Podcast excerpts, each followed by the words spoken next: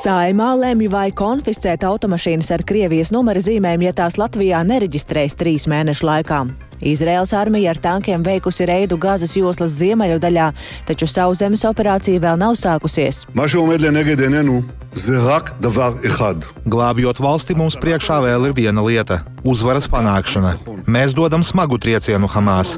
Tajā pašā laikā mēs gatavojamies zemes iebrukumam. Sīkāk neatklāšu, kad, kā אני לא אפרט מתי, איך, כמה. Un kādas iespējas iedzīvotājiem sniegs digitālā bibliotēka? Tieši šobrīd notiek tās atklāšana, un arī par to jau tūdaļ plašāk raidījumā pusdiena.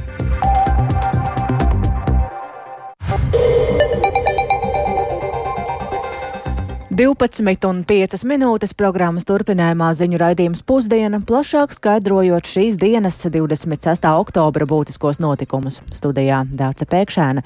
Esiet sveicināti! Krievijā reģistrētus transporta līdzekļus paredzēts konfiscēt, ja tie trīs mēnešu laikā nebūs reģistrēti Latvijā. Šādus grozījumus ceļu satiksmes likumā šodien skatīs saimā, bet pieņem tos cer novembra vidū. Un tas nozīmē, ka jaunā kārtība stātos spēkā februāra vidū. Vienlaikus ceļu satiksmes drošības direkcija piedāvā risinājumu, kā par fiksētu pārkāpumu sodīt ārvalstnieku auto, un vairāk šajā tematā ir iedziļinājies Jānis Kīncis, kurš šobrīd pievienojas tiešēdē. Sveiks, Jāni! Sveiki, Dārts! Sveicināti radio klausītāji! Jā, Saimnes tautsēmniecības komisija šonadēļ detalizēti skatīja Tieslietu ministrijas un vēl vairāk ministriju sagatavoto regulējumu, kas noteica, ka automobils ar Krievijas numuru zīmēm trīs mēnešu laikā kopš likuma grozījuma spēkā stāšanās būs jā, jā, jāpiereģistrē Latvijā vai arī jāizved no Latvijas teritorijas. Pretējā gadījumā to varētu konfiscēt, un šī norma sāktu darboties pēc trīs mēnešiem, tātad februāra vidū. Iecerēts, ka Latvijā nereģistrētus auto no Krievijas pēc konfiskācijas nodos izmantošanai Ukrainā, līdzīgi kā jau pašlaik par braukšanu reibumā atņemtos automobīļus. Vienlaikus šajā kārtībā paredzēti arī izņēmumi, kas attieksies piemēram uz Krievijas diplomātiskā un konsulārā dienesta lietojumā vai īpašumā esošiem spēkratiem. Un jāpiebilst, ka nevienreiz vien ir izskanējis, ka līdzīgas normas būtu jātiecina arī uz Baltkrievijā reģistrētajiem spēkratiem Latvijas teritorijā. Taču Tieslietu ministrija paskaidro, ka šajā valstī reģistrētie spēkrati Eiropas komisijas nesenajā regulā nav pakļauti sankcijām. Vienlaikus likums ļaus Krievijā reģistrētu transporta līdzekļu izmantošanu Latvijā caurbraucot vai tranzītā. Tas būs jāizdara 24 stundu laikā, un pirms tam auto būs jādeklarē Latvijā ceļu satiksmes drošības direkcijas e-pakalpojumos. Paredzēts noteikti, ka Krievijā reģistrēts transporta līdzeklis varēs šķērsot Latvijas teritoriju tranzītā tikai vienu reizi.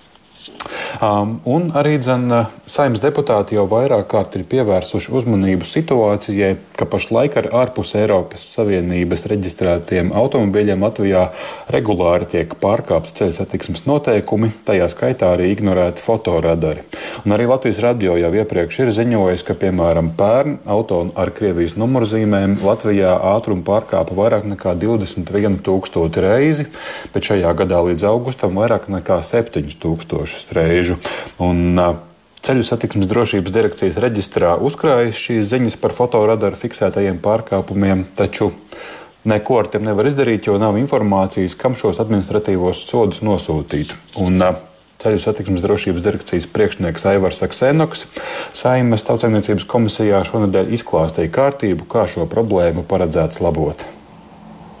Policijai būtu nodrošināta pieeja CSDD reģistram tieši šiem ārvalstnieku izdarītiem pārkāpumiem, apturot šādus automobīļus un pārbaudot uh, mūsu reģistrā, redzot, ka viņam ir pārkāpumi fiksēti ar tehniskajiem līdzekļiem, uz vietas varētu pieņemt lēmumu par uh, sodu. Un uh, kā nodrošinājuma līdzekli aizturēt uh, vadītāja apliecību un reģistrācijas apliecību. Ārzemnieks bez šiem diviem dokumentiem nekur neizbēg. Lai šī kārtība stātos spēkā, vēl sagatavošanā ir attiecīgi grozījumi administratīvo pārkāpumu likumā, un Saimnes tautsājumniecības komisija lēma aicināt valdību nekavēties arī ar šī jautājuma skatīšanu, lai arī šīs likuma izmaiņas ieviestu, varētu būt iespējams ieviest iespējami drīz. Šīs dienas saimnes sēdē debatas par ceļu satiksmes likuma grozījumiem šobrīd vēl nav sākušās, taču par tām noteikti stāstīsim vēlāk šajā dienā. Dace. Paldies eh, Jānim Kincim. Jā, līdz ar to, vai būs vai nebūs plašas debats par šo jautājumu, to droši vien Jānis vairāk varēs izstāstīt tad raidījumā pēcpusdiena. Bet eh, mēs tagad pievēršamies notikumiem citviet pasaulē. Izrēla turpina gatavošanos sauszemes operācijai Gāzes joslā, taču joprojām nav skaidrs, kad un kā tā notiks. Savukārt Izrēlas armija paziņojusi, ka ar tankiem un kājniekiem šonakt veikusi mērķtiecīgu reidu Gāzes joslas ziemeļu daļā. Gāzes joslā Humanitārā situācija turpina pasliktināties, un degvielas trūkuma dēļ ANO šodien lemšot par to, cik daudz palīdzības Gazas joslā tā vēl var turpināt sniegt, un plašāk par to stāsta Rihards Plūme. Izraēlas armijai gatavojoties iebrukumam Gazas joslā, pie Gazas joslas robežas joprojām pulcēti tūkstošiem karavīru un tehnika. Izrēlā ir aptuveni 165 tūkstošu karavīru liela armija, izsaukti arī vairāki simti tūkstoši rezervistu, no kuriem daži atrodas uz Gazas joslas robežas, bet citi ir pārcēlušies uz robežu ar Libānu, kur Irānas atbalstītais grupējums Hizbollah katru dienu apšauda Izrēlu. Par gaidāmo uzbrukumu televīzijas uzrunā izteicies arī Izraēlas premjers Benjamins Netanjahu, kurš norādījis, ka Izraēla sauszemes iebrukumam Gazas joslā gatavojas, taču viņš neteiks, kad un kā uzbrukums notiks. Glābjot valsti, mums priekšā vēl ir viena lieta - uzvaras panākšana. Mēs dodam smagu triecienu Hamas. Mēs jau nogalinām tūkstošiem teroristu. Un tas ir tikai sākums. Tajā pašā laikā mēs gatavojamies zemes iebrukumam. Sīkāk neatklāšu, kad, kā אני לא אפרט מתי, איך, כמה. Netaņahu arī atzinis, ka viņam būs jāsniedz atbildes par trūkumiem drošībā, kas noveda pie teroristiskā grupējuma Hamas uzbrukuma Izrēlai. Viņš skaidroja, ka detalizēti tiks izskatīts, kāpēc šāds uzbrukums varēja notikt, piebilstot, ka visiem, tostarp arī viņam, būs jāsniedz atbildes, taču tas tiks darīts vēlāk. Izraēlas armija paziņojusi, ka naktī ar tankiem un kainiekiem veikusi mērķtiecīgu reidu Gazas joslas ziemeļu daļā. Ticis dots trieciens vairākiem Hamas mērķiem. Reids bijusi daļa no gatavošanās nākamajai kauju fāzei. Šī gan nav pirmā reize, kad armija paziņo par reidu Gazas joslā. Humanitārā situācija Gāzes joslā tikmēr turpina pasliktināties. ANO paziņojusi, ka 12 no 35 teritorijas slimnīcām ir slēgtas bojājumu vai nepietiekamas degvielas dēļ. Slimnīcas slēdz visas nodaļas, izņemot ārkārtas uzņemšanas zāles. Pasaules veselības organizācijas pārstāvis iepriekš raidorganizācijai BBC norādījis, ka ANO atbalstītajās slimnīcās ģeneratori darbojas minimālā līmenī. Līdz šim Gazas joslas teritorijā ir iebraukušas vien mazāk nekā 70 palīdzības kravas automašīnas, un šajās palīdzības piegādēs degviela netiek iekļauta. ANO aģentūra, kas vada humanās palīdzības operācijas Gazā, paziņojusi, ka tuvāko stundu laikā pieņems lēmumu par to, cik daudz palīdzības tā vēl var turpināt sniegt degvielas trūkuma dēļ. Taču Izraēlas armija apstrīdējusi ANO palīdzības aģentūras paziņojumu, ka Gazas joslā tūlīt beigsies degviela. Aizsardzības spēku preses sekretārs Jonatāns Konrikus skaidrojis, ka armija ANO aģentūrai norādījusi vietas, kur Hamas iegūs degvielu - gan dīzeļdegvielu, gan cita veida degvielu. Un visas šīs vietas ir Gazas joslā, norādījis Konrikus. Pēc viņa teiktā, degviela šajās vietās esot pietiekamā apmērā daudzām dienām, lai darbotos slimnīcas un ūdens sūkņi taču Hamas dodot priekšroku novirzīt visu degvielu savām kaujas spējām, atstājot civiliedzīvotājus bez tās. Rihards Plome, Latvijas radio. Un eh, šis ir arī laiks, kad aizvien pieaug arī dažāda veida dezinformācija, tāpēc jo īpaši svarīgi ir mediju pratība un arī katra mūsu rīcība, lai šāda informācija neizplatītos tālāk. Tagad ir jauna iespēja, ko katrs no mums var izmantot, jo šonadēļ Pasaules mediju pratības un informācijas nedēļā valsts kancelēja atklāja vienotu platformu Melns uz balta, un tajā var ziņot par dezinformācijas gadījumiem, rūpējoties par drošāku informatīvo telpu mums apkārt. Šīs ilgtermiņa kampaņas laikā paredzēts arī vēl citas aktivitātes, piemēram, šai tematikai speciāli veltīti raidieraksti, kuras mērķa auditorija ir vecumā līdz 35 gadiem. Kāpēc ir izlēmts uzrunāt tieši jaunāka gada gājuma cilvēkus to šorīt raidījumā Labrīt? kolēģiem Elīnai Balskarai un Kristapam Feldmanim skaidroja valsts kancelējas strateģiskās komunikācijas koordinācijas departamenta vadītājs Rihards Bambals. Paklausīsimies fragmentu no šī rīta sarunas. Mums ir kā ir stereotips, ka jaunieši ir tādi ļoti prātīgi, tehnoloģijās, digitāli prātīgi, bet mēs novērojam te pašā laikā, ka arī jaunieši ir tā auditorija, kas iet projām no tradicionālajiem mēdījiem. Nepatērē tradicionālo ziņu saturu, meklē informāciju tikai sociālajos mēdījos. Viņi ir savā ziņā diezgan vārīga auditorija, ievainojama auditorija pret dažādām manipulācijām. Tas ir viens iemesls. Otrs ir, mēs arī skatāmies uz jauniešiem kā nākamo jauno līderu paudzi paudzi, vai tie būtu biznesā, vai politikā, vai kur citur mūsu sabiedrībā, kas spēj arī tālāk nest šo ziņu par šīm iemācītajām mācībām, ko viņi ir ieguvuši, un tā tālāk izglītot arī paziņas, draugus, vecākus, vecākus arī savā ģimenes lokā. Tā ka jaunieši noteikti nav izvēlēti nejauši. Skaidrs, ka dezinformācijas paņēmieni arī attīstās straujāk, kā mēs spējam izsekot līdzi. Ko jūsuprāt mēs varam vēl darīt, lai risinātu šo problēmu ilgtermiņā un uzlabotu to mūsu informatīvo telpu? Mums informatīvās telpas drošība mēs redzam ir atkarīga no trīs pīlāriem. Viens ir no valsts pārvaldes efektīvas strateģiskās komunikācijas, otrs ir no kvalitīvas, neatkarīgas, drošas mediju vides, un trešais ir no šīs sabiedrības noturības, kas ir balstīta uz mediju pratību un informāciju pratību. Un visi tie trīs pīlāri ir vienlīdz svarīgi. Ir kā savienotie trauki. Proti, ja mēs fokusēsimies tikai uz vienu un aizmirsīsim par pārējiem diviem, tad tā kopējā informatīvās telpas drošība noteikti neuzlabosies. Tādēļ mēs pāraugam koordinējumu procesu visos trīs virzienos. Tā tas nozīmē noteikti arī atbalstu kvalitīvai žurnālistikai. Tas nozīmē arī komunikāciju turpināt, pilnveidot valsts pārvaldes pusē. Un tas nozīmē noteikti arī izglītību. Tostarp arī ne tikai jauniešiem, bet arī dažādas mūža izglītības iespējas citās arī vecuma grupās. Teiksim, tā, cilvēks jau ir pametis arī skolu, universitāti, kā pilnveidot prasmes, jo tehnoloģijas attīstās, mēdīju patēriņa, tās tendences cilvēku arī mainās samērā strauji. Iemācīties atpazīt izpētīt dažādas manipulatīvas metodes ir kaut kas, kas noteikti nav tāds pabeigts process, ko vienreiz iemācās, un viss tas ir principā jāpilnveido regulāri. Šobrīd, ko jūs esat pamanījuši, kas ir tie aktuālākie dezinformācijas paņēmieni, ar kuriem mēģina cilvēkus apmuļķot? Nu, mēs noteikti aizdītajās nedēļās esam redzējuši dažādas paņēmienas. Viens ir tas pašas draudu vēstules skolām ar tādu mēķi radīt zināmu paniku, apjukumu sabiedrībā, testēt mūsu sabiedrību. Tāpat tās redzam, protams, arī ko regulāri Kremļa kontrolētie plašsaziņas kanāli tiražē ziņas par Latviju, par mums kā neizdevušos valsti, izsmejot arī mūsu augstākās valsts amatpersonas, gatavojot arī veselus raidījumus par mums, un, protams, arī dažādi tradicionālai vēstījumi, kas saistās ar rusofobiju Latvijā, kā nacismu atzīšanu, fašismu atzīšanu. Tālūk valsts kancelējas strateģiskās komunikācijas koordinācijas departamenta vadītājs Rihards Bambals. Bet rudens ziema ierasts Ir arī gada laiki, kad cilvēki vairāk slimo un ir svarīga zāļu pieejamība. Lai nepieļautu pagājušajā gadā pieredzēto, kad daudz vietā Eiropā trūka zāles, šogad Briselē ir plāns, kā to novērst. Šoziem sāks darboties brīvprātīgs solidaritātes mehānisms, paredzot, ka Eiropas Savienības dalība valstis savā starpā varēs dalīties ar trūkstošajiem medikamentiem, un tāpat arī esot vēl citi risinājumi, lai nepieļautu medikamentu deficītu, kas var apdraudēt iedzīvotāju veselību un pat dzīvību. Bet vairāk par to Ulda Ķesbera ierakstā.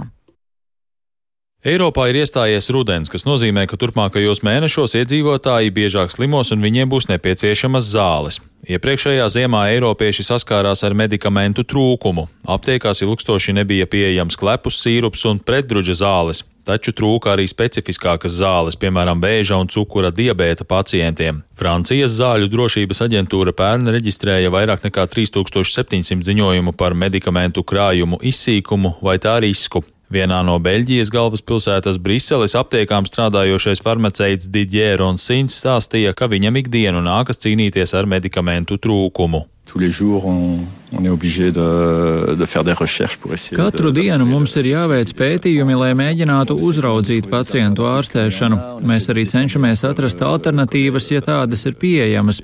Mēs cenšamies palīdzēt cits citam, ja vien varam, un vissarežģītākajos gadījumos mums ir jāsaka nē. Mums ir jānosūta pacients pie ārsta, lai viņš vajadzības gadījumā varētu mainīt ārstēšanu.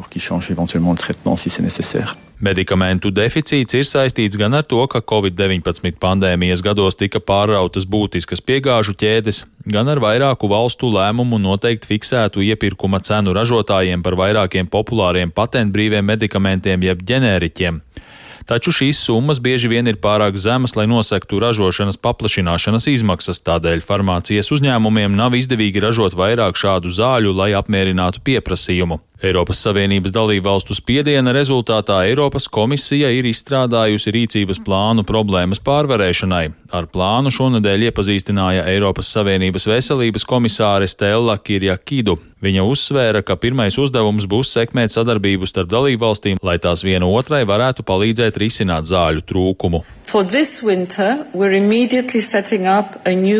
Šai ziemai mēs nekavējoties izveidojam jaunu brīvprātīgu solidaritātes mehānismu. Tas ļaus dalībvalstīm, kas saskaras ar zāļu trūkumu, lūgt atbalstu citām dalībvalstīm, kuras var dalīties ar zālēm, ja to krājumi ir pietiekami.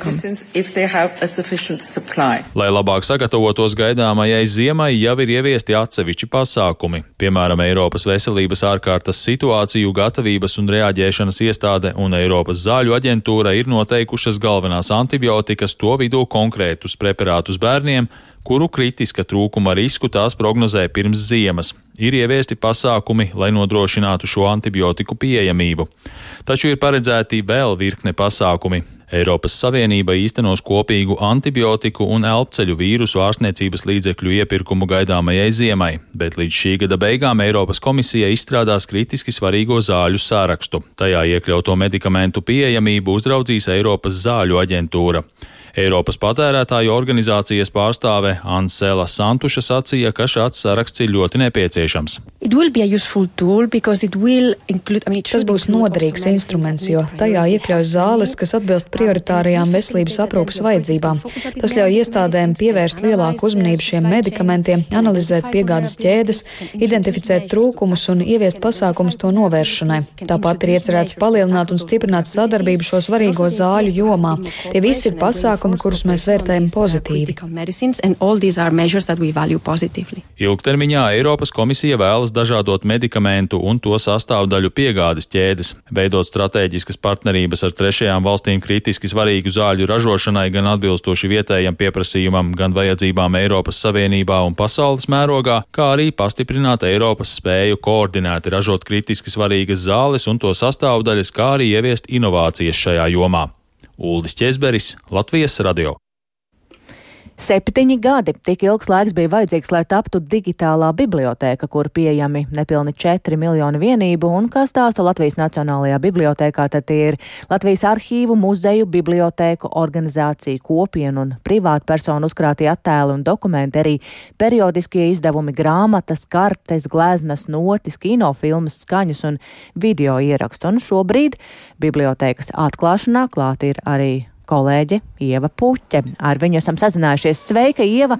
Un eh, tad izstāsti, ko tad varēs atrast šajā bibliotekā, jo pirmajā brīdī izdzirdot digitālā biblioteka, varētu šķist, ka tās ir digitalizētas visas grāmatas, kas ir Latvijas Nacionālās bibliotekas krājumā, bet eh, laikam tā gluži nav. Jā, sveika, Dārcis, sveika, klausītāji. Es šobrīd atrodos Latvijas Nacionālās Bibliotēkas foijē, kur arī notiek šis pasākums. Un pasākumu uzrunās uh, dažādu ministriju parlamentārie sekretāri, uh, uh, stāstīja par to, cik vērtīga būs šī biblioteka vispār uh, La Latvijas nākotnē kopumā. Piemēram, uh, Agnese Lāce no kultūras ministrijas uh, pauda, ka padarot mūsu valsti un kultūru digitāli, mēs nostiprinām tās pastāvēšanu pāri pāri laikiem, uh, un mm, uh, varam uh, parlamentārais sekretārs nosauca to par Latvijas Nacionālās bibliotekas digitālo dvīni. Bet par pašu biblioteku, jā, kā, ko jā, tajā varēsim digitālais, atrast? Digitālais dvīnis, tas, tā, tas nav. Tātad no grāmatām, kas ir Latvijas Nacionālajā bibliotekā, esot digitalizēta tikai 5% šajā krātuvē. to teica Karina Bandere, kas ir digitālās bibliotekas vadītāja. Es arī lūdzu viņai mazliet sīkāk izstāstīt, kas, kas tad, ja, ja tās nav grāmatas, kas tad vēl šajā bibliotekā ir.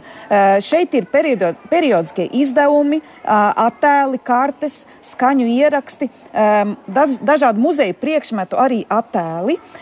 Un zem šīs digitālās bibliotekas cepures ir palikti tādi resursi, ar ko mēs jau esam bijuši pazīstami. Piemēram, periodika LV, Zudusī Latvija, dziesmu svētku krātuve, redzi, dzirdi Latvija.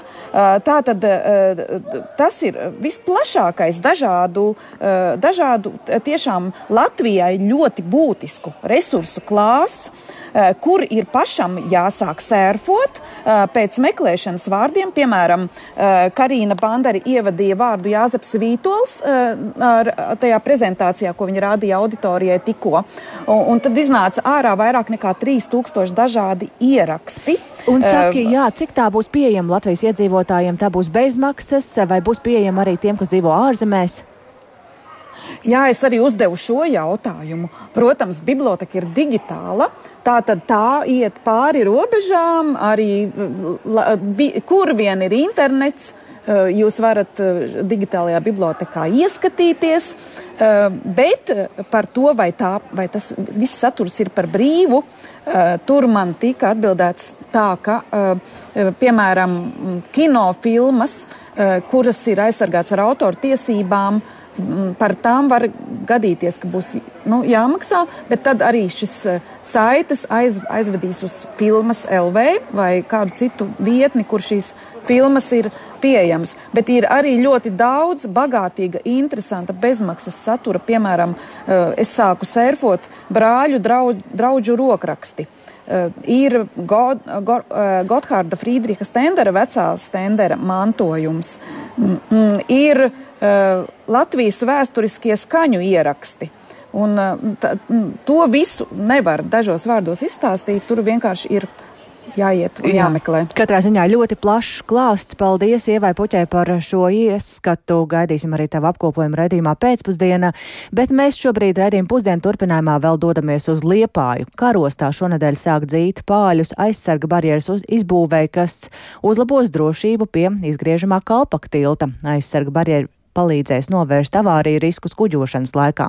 Jāatgādina, ka vēl 2006. gadā, kad šajā tiltā ietriecās Gruzijas tankers, tā atjaunošana prasīja četrus gadus un daudz naudas. Tomēr vēsturisko tiltu izdevās atjaunot, un tagad aizsarga barjeras izbūvē ir piesaistīta Eiropas Savienības nauda, un iedzīvotājiem gan ir jāreķinās, ka dzenot pāļus būs ierobežot satiksme pāri tiltam un iespējami arī trokšņi, bet plašāk par to Ingas Ozols ierakstām.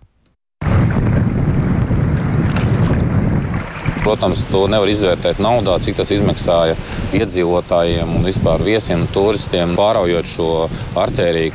Karosts kanāls ir nozīmīgs kuģošanas ceļš kravas kuģiem Liepājas ostā. Par to liecina arī fakts, ka nepilnas stundas laikā, tiekoties ar Liepājas speciālās ekonomiskās zonas pārvaldnieku vietnieku attīstības jautājumos Elēnu Strāzdiņu, cauri izgrieztajam tiltam pa kanālu izbrauca trīs kuģi. Kādas kravas visbiežāk pārvadā, izmantojot karosts kanālu, stāsta speciālas ekonomiskās zonas pārstāvis. Cementa kravas, tālāk, protams, ir graudu kravas, arī dažādas beram kravas, plus arī koku materiāli, šķelda, koki. Jā, tie ir tie, kas visregulārāk kustās. Mazāk regulāri, bet arī uz uh, remontu kuģi nāk iekšā uz sauso doku. Viens šāds tankuģa brauciens 2006. gada jūlijā beidzās ar iznīcinātām karostas vēsturiskā tilta ziemeļdaļas konstrukcijām.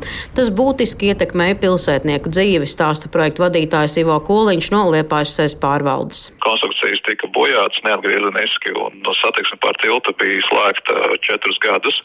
Vienīgais veids, kā ir iespējams pasargāt šāda veida tiltu konstrukcijas no iespējams sadursmes ar kuģiem, ir izveidot speciālas aizsargu barjeras, jeb konstrukcijas mūsu gadījumā vadulas. Kā praktiski darbosies vadulu princips, skaidro Ivo Koliņš. Fadulu pamatmērķis ir novirzīt šo enerģiju, ja, kas varētu rasties sadursmes brīdī ar kuģi, nevis uz tiltu konstrukcijām, bet uz šo vadulu konstrukciju. Kā rezultātā teiksim, kuģis nesadurās ar tiltu konstrukcijām. Izbūvējot jauno norobežojumu ar zināmām nērtībām, būs jārēķinās, tāpēc iedzīvotājs aicina sekot līdzi ceļzīmēm un citām norādēm. Paļu dzīšana var notikt arī naktas stundās, radot troksni. Šobrīd jau ir iedzīti testa pāļi. Dzenot šos testa pāļus, arī reāli saprot, cik tad ir tā grūns un tas ātrums, kādā viens pāls ir iespējams iedzīt, lai pēc tam varētu plānot šo tiltu atvēršanu un aizvēršanu, gan kas saistās, lai kuģi tiktu traucēti, gan arī priekš iedzīvotājiem, lai pēc iespējas mazāk neērtības. Tā kā 1906. gadā būvētais tilts ir inženiertehnikas piemineklis, tiek domāts, lai jaunās konstrukcijas nebojātu tā vēsturisko izskatu. Taču ir skaidrs, ka vizuāls izmaiņas tilta lejas daļā būs. Aizsargu barjeras ir projektētas tā, lai spētu atvairīt līdz pat 150 metrus gara braucoša kuģa triecienu. Pašlaik nesot precīzi iespējams pateikt, kad noslēgsies aizsargu barjeras izbūve karostas kanālā, jo darba procesu var ietekmēt laikapstākļi un vētras. Darbi būtu jāpaveic 30 dienu laikā. Projekta izmaksas sasniedz gandrīz 2,4 miljonus eiro. Ingozola Latvijas radio kurzemē. Un ar šo stāstu izskan raidījums pusdiena, ko producēja Lauris Zvēnieks. Ierakstus montēja Uldis Grīnbergs par labskaņu rūpējās Iveta Zvēniece un ar jums sarunājās Dāca Pēkšēna.